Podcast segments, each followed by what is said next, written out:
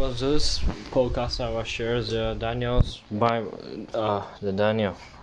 In the third year of the region of the of Jehoiakim, kings of Judah, come Nebuchadnezzar, kings of Babylon, unto the Jerusalem, and beside it.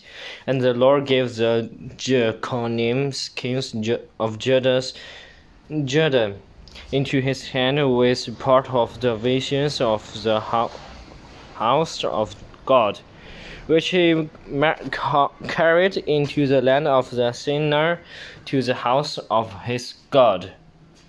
And he brought the visions in the treasured house of his God. And the king spake unto the officers the matters of his unconscious, that he should I bring certain of the children of the Azir and of the king's seed and of the princess, children in whom was no blessings but were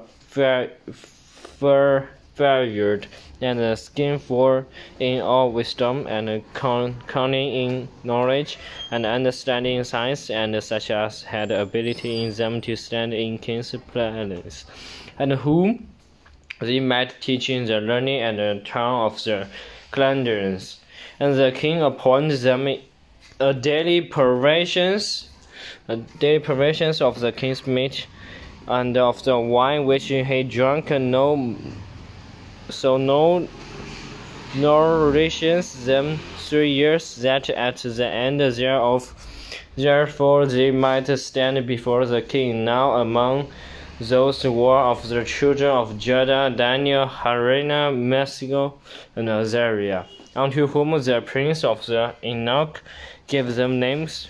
For they gave unto Daniel the name of the Bar Basileia and the Habniah and the Scalia, and to the Mecca of Masika, to the Azure of uh, Abednego.